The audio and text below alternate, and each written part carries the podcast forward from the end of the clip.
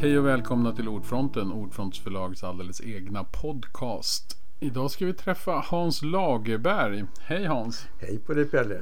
Du har skrivit boken Gå tillsammans, en historia om solidaritet. Ja. Och där en historia om solidaritet, för visst är det ganska mycket ändå solidaritetens historia du har försökt liksom närma dig? Ja, men jag mm. tror att genom att skriva en så, så försöker jag väl uttrycka att det faktiskt är min historia. Mm. Och det går nog att skriva flera historier. Jag skulle själv kunna skriva flera historier, mm. alltså kunna bygga på. Eftersom det här är ett väldigt, väldigt stort ämne. Och jag har fått välja ut rätt mycket de delar som jag vill poängtera och försöka få ihop det till någon slags ja, allmängiltighet kring här, ja, begreppet, vad, vad begreppet innebär och vad det medför egentligen. Eftersom det handlar inte bara om att uttrycka sig. Solidaritet är inte bara ett ord. Det är också handlingar. Mm. Det är också, Kanske i första hand handlingar. Ja, det skulle man säga. Mm. Det är då det betyder något. Mm. Jag menar, solidariteten har ju haft en fantastiskt stor historisk betydelse. Eh, historiskt sett. Men eh, man eh, vet ju... Ja, man kan ju tolka på väldigt olika sätt. Mm. Det är positivt men det finns också negativa sidor med Vad skulle kunna vara negativt med solidaritet? Ja, jag menar, eh, om du tänker fascister kan ju vara mm. solidariska med varandra och med sin grupp. Putin eh, uppmanar ju idag till en enorm lojalitet. Alltså begreppet lojalitet och solidaritet ligger faktiskt ganska nära varandra. Mm. De kan naturligtvis, det är inte riktigt samma sak, men de nuddar vid varandra. Mm. Man kan kalla det som, som är lojalitet är ju att man gärna tittar på någonting som är uppåt. Mm. Eh, och, och lyder någon, någon för någonting. Att mm. det, det företagsledare kräver lojalitet av sina medarbetare men säger att vi ska vara solidariska i vårt företag. Precis. Och alltihopa sånt. Mm.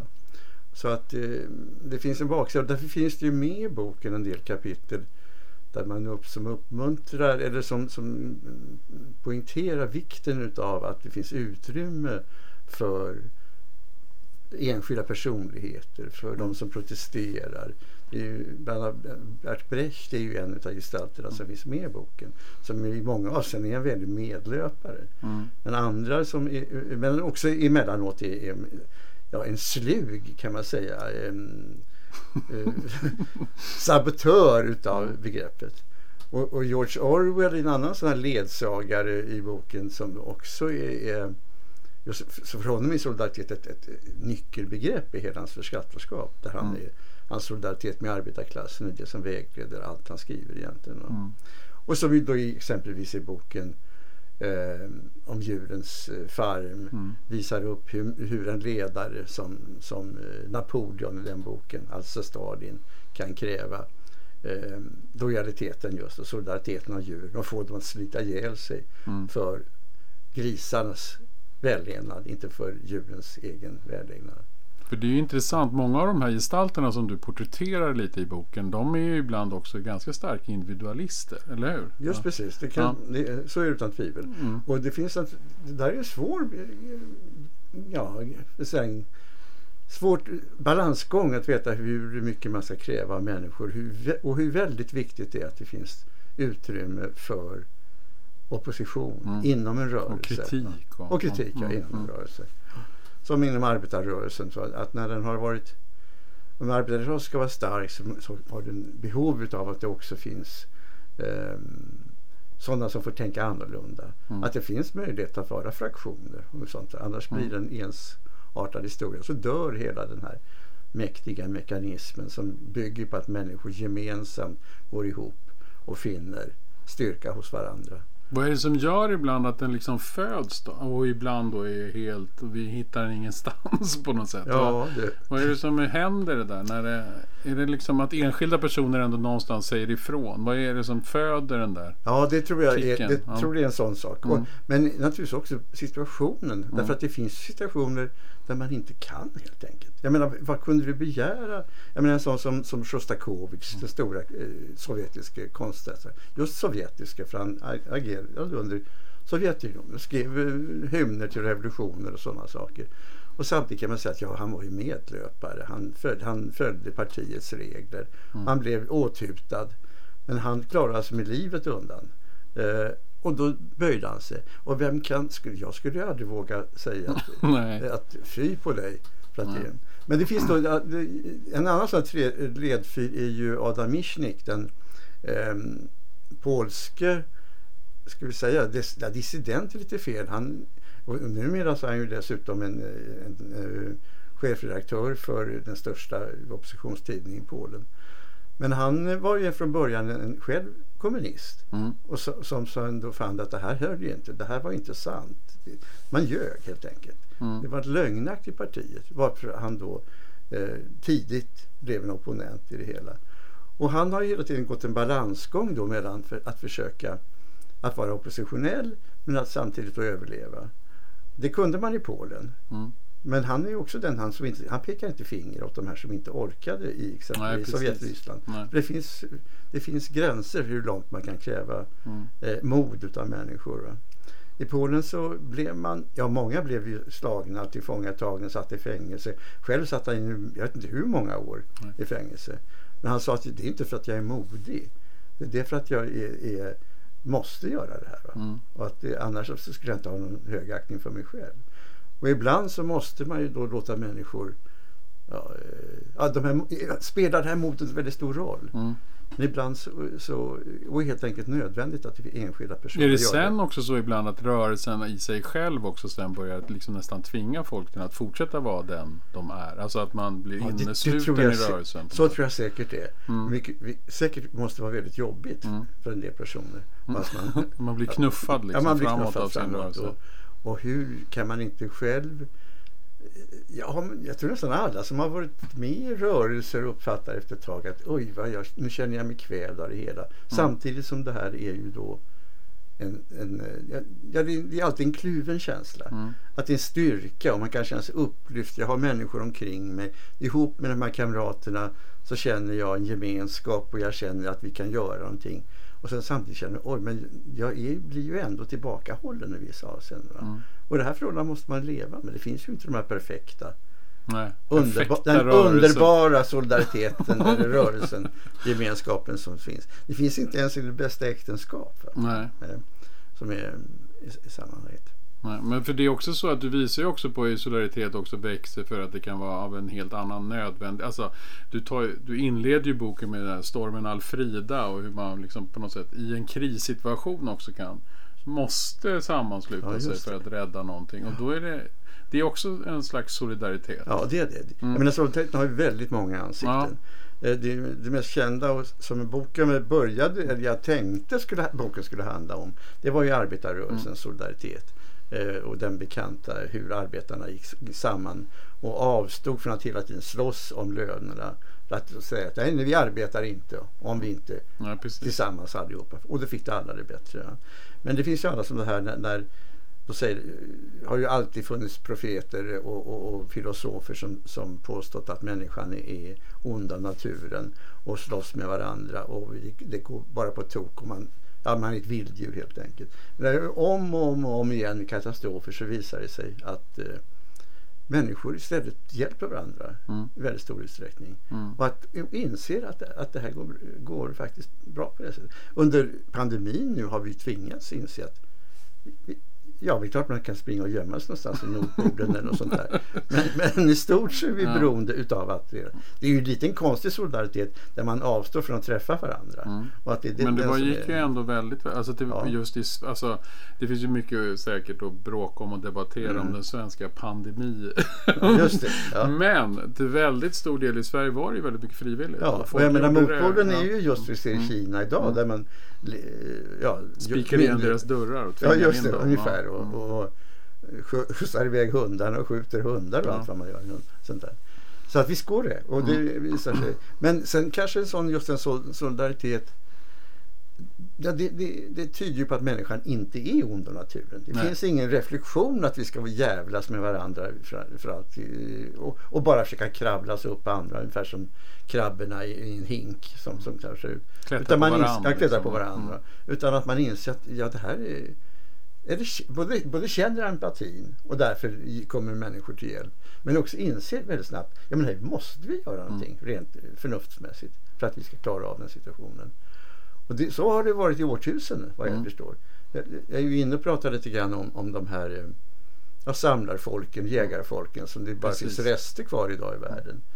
Men som då, eh, ja, Lasse Berg har ju skrivit om att han påstår att, att just väskan är en av de bästa uppfinningarna, största uppfinningarna i världen. Därför att med väskan kunde samlaren eller jägaren gå ut och ta, ta med sig det han har fångat eller jagat tillbaks till sina eh, ja, Alltså, barn de- eller vänner runt omkring, de som grannar. som byn ingick i det där lilla samhället. samhället. Ja. Och egentligen så är väl familjen ofta, menar, familjer kan ju vara jäkligt hopplösa på många Visst. sätt. Absolut. Men det är också en, en grund som man, man vill ju ändå ta hand om dem nära. Ja, och det är ju ja. en slags väldigt liten men ändå solidarisk grupp. Ja, det är det. Och så, och så släkten. Och så har du klanen. Mm. Och sen blir det samhället. Men det kan ju bli svårare och svårare att känna den där naturliga Ja, den globala grejen är ju svårare. Just det. Och det är ju det stora problemet vi står inför idag. För Ja. idag är ju jätteutmaningen. Mm. Jag kan inte se någonting annat än solidaritet som kan rädda världen idag. Nej. Och, och att, att skapa denna stora globala solidaritet. Det ser vi ju varje dag förskräckliga exempel på att det är, hur svårt det är. Mm. Och ändå så vet jag inte någon annan lösning. Nej. Vem skulle komma Och med? tror du att den också är möjlig? När du Jag- tittar jag- ut i världen? Ja du, nu, Pelle, nu ska man ju vara lite positiv. Ja. Eh, jag, jag vill, alltså, man måste tro det det Mm. här. Mm. Och det, finns Det går inte då- att komma undan. Det, Nej, måste, det finns ingen komma- annan ja, Nej, väg. just det. Och, det, och det. För att det, här hoppet som, som sker, det, det får man skapa om inte annat. Mm. Genom historien har väl alla eh, misstrott att det här kommer inte att gå. Men vad ska man göra? Ska man bara lägga sig ner och ge upp? Det, det är alternativet som jag Mm. ser. Är det Eller- det eller- också? Ja, ja, eller ha naiva föreställningar om att det sitter någon snille borta i Silicon Valley och ska upptäcka, eh, uppfinna några fantastiska saker som tar bort koldioxiden ur luften och alltihopa. Och vi vet att det där inte kommer att, att funka. Inte på som kommer att klara det fort i alla fall. Nej.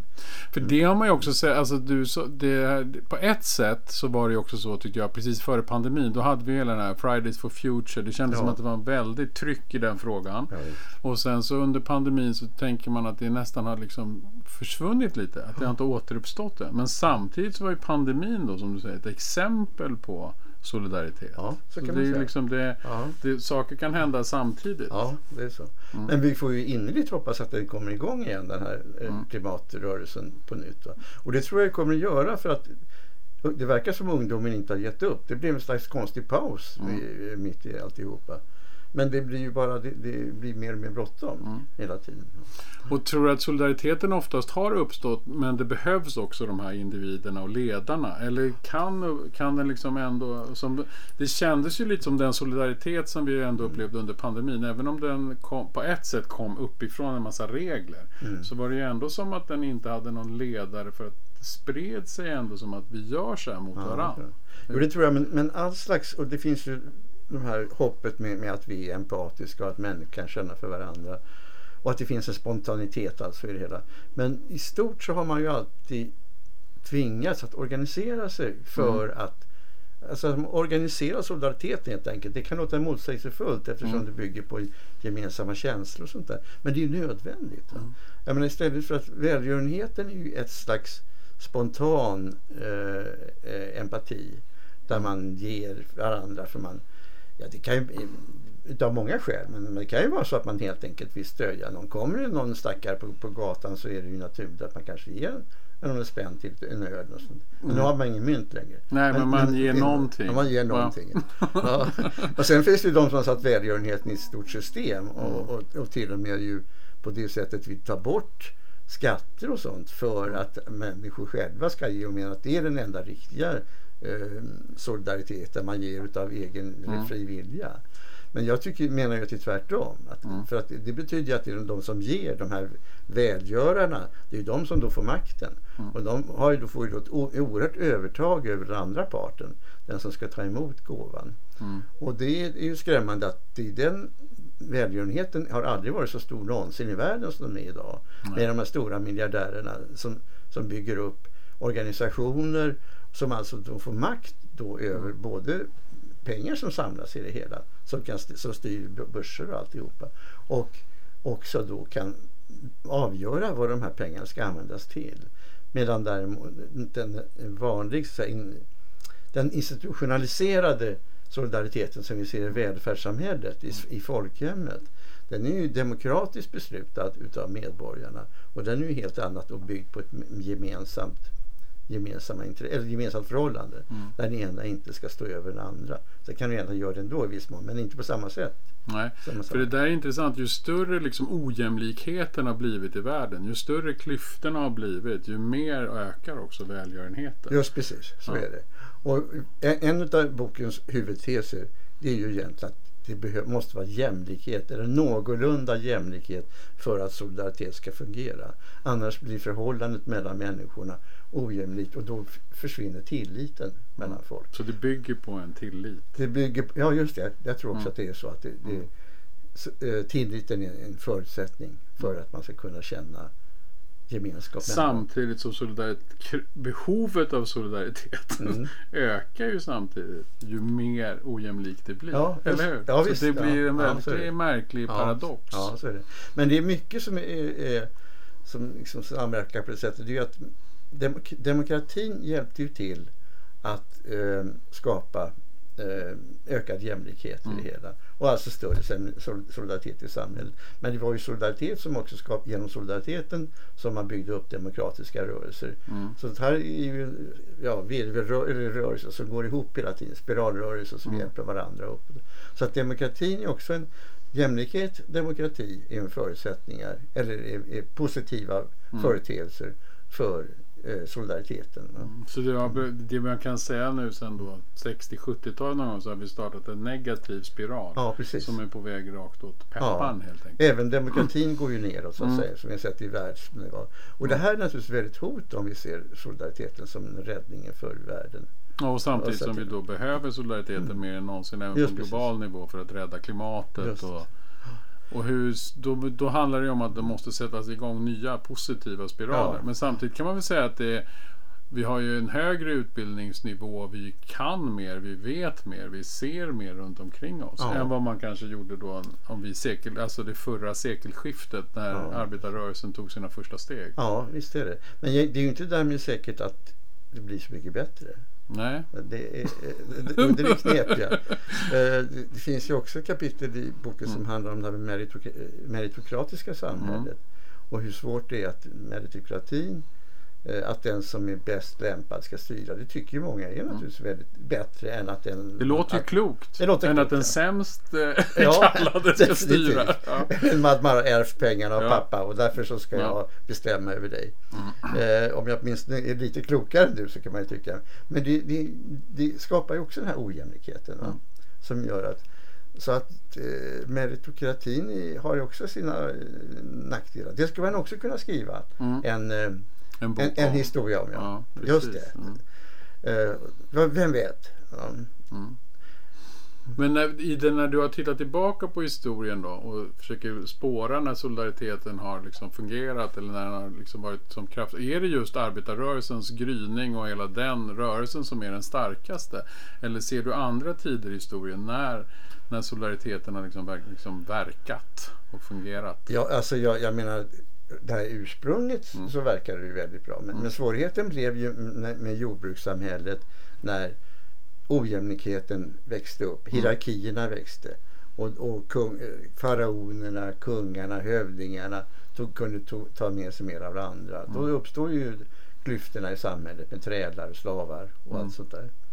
Och sen har bitvis då historiskt så har det ju varit mera möjligheter för den här jämlikheten och då också vara starkare. Men jag menar, ofta är ju solidariteten en möjlighet att överleva inom den, en förtryckt grupp. Just det, som under en period in, kan. Ja, just, just det. Som en inbördes hjälp. Att man exempelvis att, att, att arbetarrörelsen var ju en del av solidariteten. En annan var väl den här som Kropotkin som en, en en gubbe till som, som mm. liksom spelade roll i boken. Mycket gubbar. Ja, det är mycket gubbar mm. tyvärr. Mm. Det finns ett par. Rosa Luxemburg mm. och Hanna Arendt har mm. också sina roller i mm. boken. Men eh, det blev lite mycket gubbar. Det är lite mycket gubbar i historien.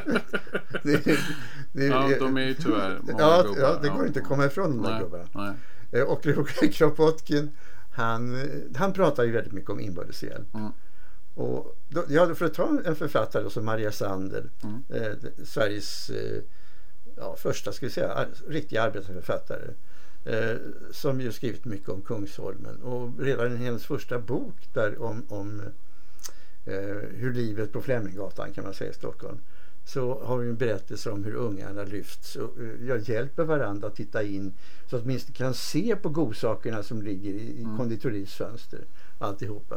Mm. Eh, och hon, hon, för, för hennes, hon skildrar ju väldigt mycket just den här inbördeshjälpen som finns mellan kvinnorna. Framförallt så, och, och i romanen Virveln Mm. hur eh, man i, under storstrejkens tid måste knapra in och då hjälp, fa, familjen hjälps åt. Och det är kvinnorna som får se till att det här ska gå ihop så att ungarna ska, ska få den här maten.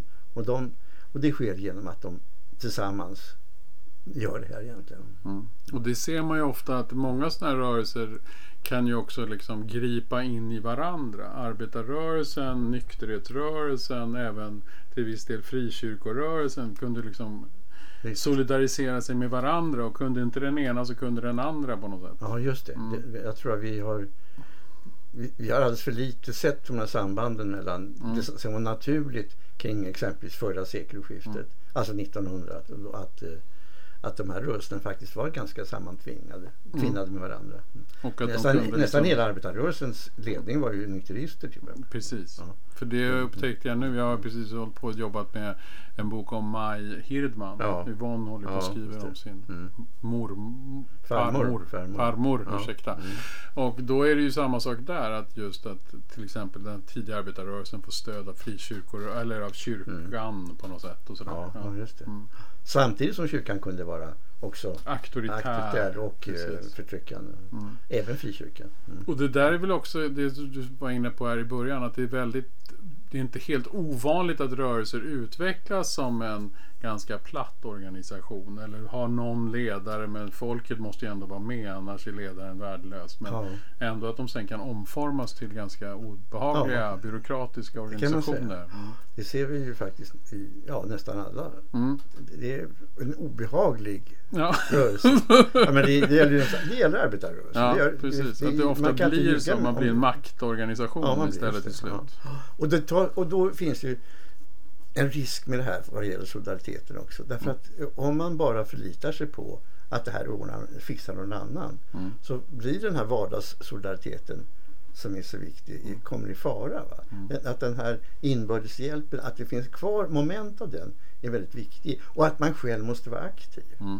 Det är vi som är rörelsen och inte Precis. bara de här som vi avlönar som ska se till Man kan inte liksom bara ut. avlöna dem och slappna av. Nej, utan man måste det. själv engagera sig. Ja. Och fackrörelsen kan inte bara bli någonting som erbjuder massa försäkringar eller olika... eh, Fiffiga att- avdrag och, det. och sånt där. Ja, det. Nej, precis. Det, det är bra det också. Ja. Men det är att om det är, tar bort det här elementet att vi tillsammans Mm. är, är förutsättningen för att klara av det här. Då är man ute Och på hur väldigt hal viktigt är då i det här arbetet att man har liksom någon slags idé, vision, kanske till och med en utopi för att det här ska liksom födas, man ska ha ett mål. Jag tror du, du pratade, ställde förut den här frågan, finns det något hopp? Mm. Och då, då tror jag ju att det behövs fantasier. Det behövs utopier. Alltså utopier har ju De, har, många... precis, de har blivit nedsablade på senaste De har blivit 30 väldigt åren. nedsablade. Alltså, Hela Sovjet. Och man kan förstå att det finns förklaring till det eftersom Mm. de här stora ideologierna, både fascismen, kommunismen, eh, som lovade så mycket och det skulle bli paradisiskt alltihopa.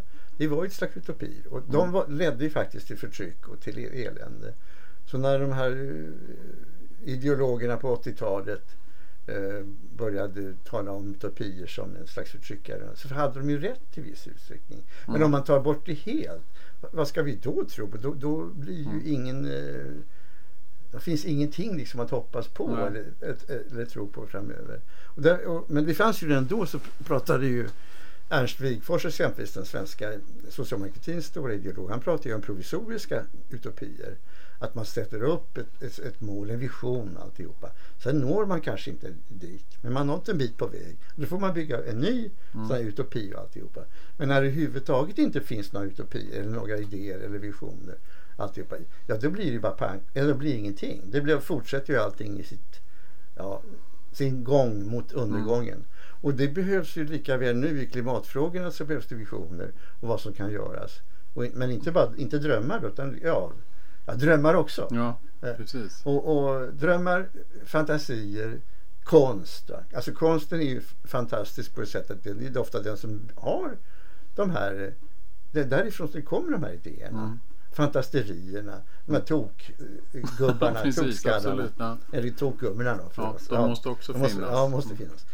Nej men för det är så lätt att tänka alltid där solidariteten bygger på någon slags utopi, en framtidsvision, någonting positivt. Men mm. kanske lika ofta är det också bara en räddning. Eller förstår ja. du? Alltså, ja. Klara sig undan något obehagligt. Ja just det. Visst är det som så. solidariteten som det. behövs för att Ja just det. För att, som i katastrofsituationer och alltihop. Precis. Ja. Och, och då får vi ju ofta höra då att ja, men katastrofer, ja, men då, Eh, då rapporteras det ofta om hur hemskt folk uppträdde mot varandra. Men det kan ju lika vara, det visar sig ofta när man tittar närmare på det att jaha, men det var ju lika många som Ja, det är klart det fanns en massa skurkar som sprang omkring och knyckte grejer mm. och passade på och, mm. och rövade alltihop. Mm. Men det fanns en jävla massa andra mm. som hjälpte till och, mm. och gav eh, husrum som gav bort sin sista skjorta för att mm. eh, få, fram...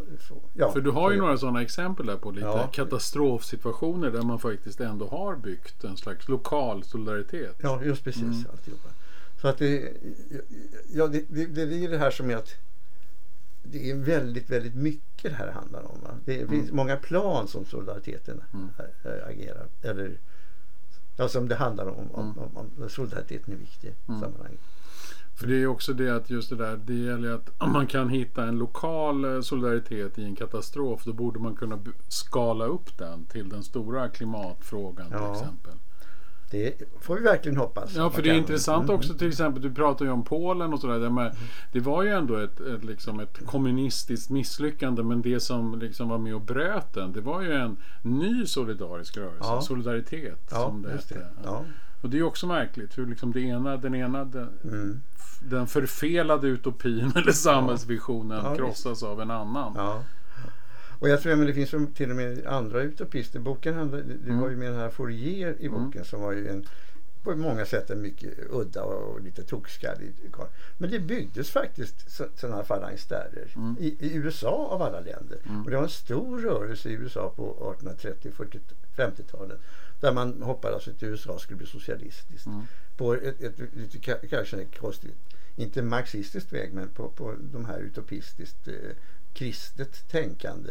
Och man, där man skulle liksom dela med varandra. Och. Eh, det, men det, ja, de stångades med andra krafter. De andra krafterna var, var mäktigare. Det mm. var eh, ja, helt enkelt kapitalisten som, som, som vann i sammanhanget. Mm.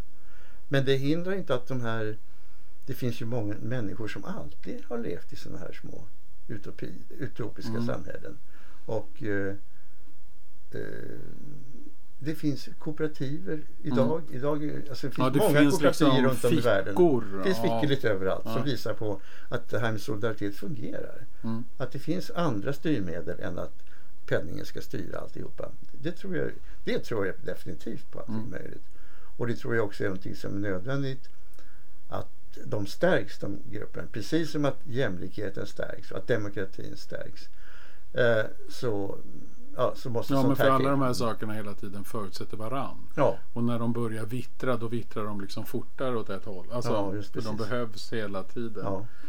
Men då, det, det, det, vi pratade om här förut, just det att du såg, du såg själv och har skrivit om det i boken, just att du såg ett visst hopp i klimatrörelsen. Ja visst, det finns mm, definitivt. Alltså. Mm. Det, och det, och inte bara Greta, utan det finns ju många fler än ja. Greta som, som då har eh, visat. Och det finns ett citat i, på slutet mm. i boken att det är det, om det finns frågan i hopp så säger, så säger någon eh, tysk eh, klimataktivist, jag glömt namnet på just nu förstås, eh, att, eh, att eh, det, det, ja, det, ja, det, är vi som skapar tron mm. genom att våra, ja, våra handlingar. Och hur ofta är det så här i historien också att det är några som springer i förväg och andra kommer efter? För nu kan man ju mm. också tycka så att till exempel en mera liksom, revolutionär Extension Rebellion, de verkar fortfarande ha fart i sin maskin medan kanske mm. Fridays for Future mm. har lite stannat av. Men att det här är det ofta så här samspel mellan stora folkliga rörelser och de här eliterna som springer före? Och... Ja, det, där, det, var, det var en svår fråga. Så, Mm. tror, jag, så tror jag att du har rätt i. Att det är Mm. nog så att det är avantgarde mot eh, massrörelse. Det, det finns, men det är Mm. väldigt svårt att förutse. Och vilka är det som har rätt? Ja. Jag menar alla eh, avantgardister har inte alltid haft rätt. Eller- Nej, det är- kanske eller- oftare ja. haft fel. Ja, jag menar det. Så att eh, man kan ju inte bara ursäkta allting med att, att det här... Eldemålen hälter eller- med. Nej, just Nej. det. Det gäller nog att tänka efter lite grann i sammanhanget. Ja. Och en sån som Rosa Luxemburg, vad skulle du säga att hon placeras in i det här till skillnad från en Hanna Arendt om vi nu skulle ta de två? Ja, alltså de är ju skilda på det Mm. sättet att ju Rosa Luxemburg verkligen trodde på revolutionen. Mm. Och Hanna Arendt trodde inte alls på Nej. revolutionen. Men eh, det finns ett eh, samband ändå att båda tror att det är eh, viktigt att man går samman och att man Ja, det är en förutsättning för att någonting ska ske. Mm. Och Rosa Luxemburgs stora... Jag, jag, jag menar hon... Hon var ju så solidarisk att hon måste... Alltså hennes liv är ju ett slags dilemma där hon eh, ju egentligen inte, ibland inte vill att det här eh, exempelvis Spartakusupproret ska gå så långt att man ska göra revolution då därför att tillfället är fel eh, Mm. Men tvingas då välja att gå med därför att hon är del av rörelsen i sammanhanget. Det tror jag ju han har. Jag skulle aldrig vara eh, en, en sådan del utav massan som Rosa Luxemburg vill vara. Och ehm, ja, sådana här skillnader finns me- mellan oss människor. Och där kan man ju säga att just att Rosa är ju ett sånt exempel då. Någon som pussa, pushas framför sin rörelse ja, nästan och ja, inte just precis. kommer ur sin historiska position. Det kan man säga. Att, eh, hon var spartakisten som egentligen inte ville göra Spartakistupproret. Nej, precis. Ja, utan det, är- Och ser det ofta ut så i historien tycker du? Att folk blir låsta i någon plats som de inte vill vara i?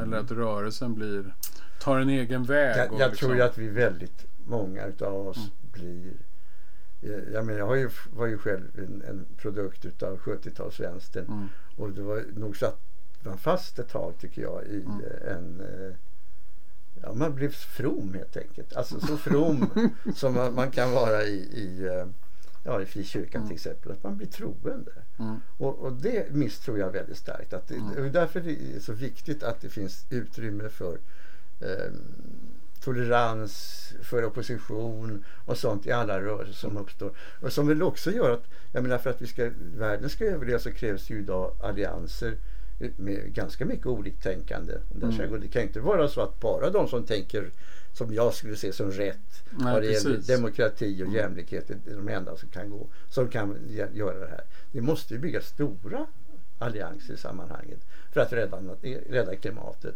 Det måste ske på, Precis. på, på världsnivå. Jag menar FN måste vara inkopplad. GATT, alltså, Mm. sådana stora um, handels... eh, och och organisationer och så. Ja, Det kan ju inte de på gräsrötterna klara av. Att, att För det är som också att det känns lite som att efter den där liksom breda politiska 60-70-tals eh, Mm. upproret som vi såg.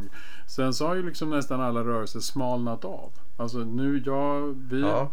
vi är engagerade men vi är bara engagerade i Ja, det här. det. vi är bara Jag engagerade i det här. Alltså Ja. man har delat upp Mm. den stora solidariteten i väldigt många små rörelser. jag och det, Alltså jag, jag, om man ska säga, nå- sj- säga någonting positivt själv här boken som jag förstått att de personer som har läst boken säger så är det att vi får dem att tänka till. Mm. Att de har haft, själva eh, haft väldigt mycket tankar om delar utav det hela.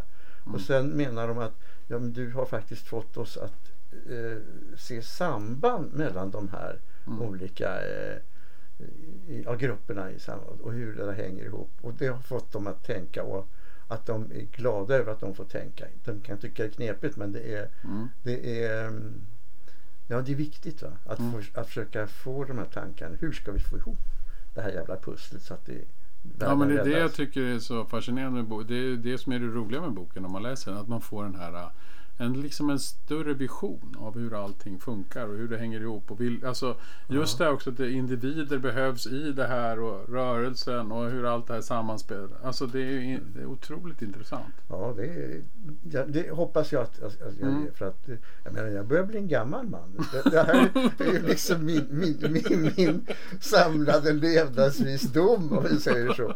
Lagerbergs världsförklaring det finns i sammanhanget. Eh, ja. Det var ju härligt att du fick det där på pränt till slut. Ja.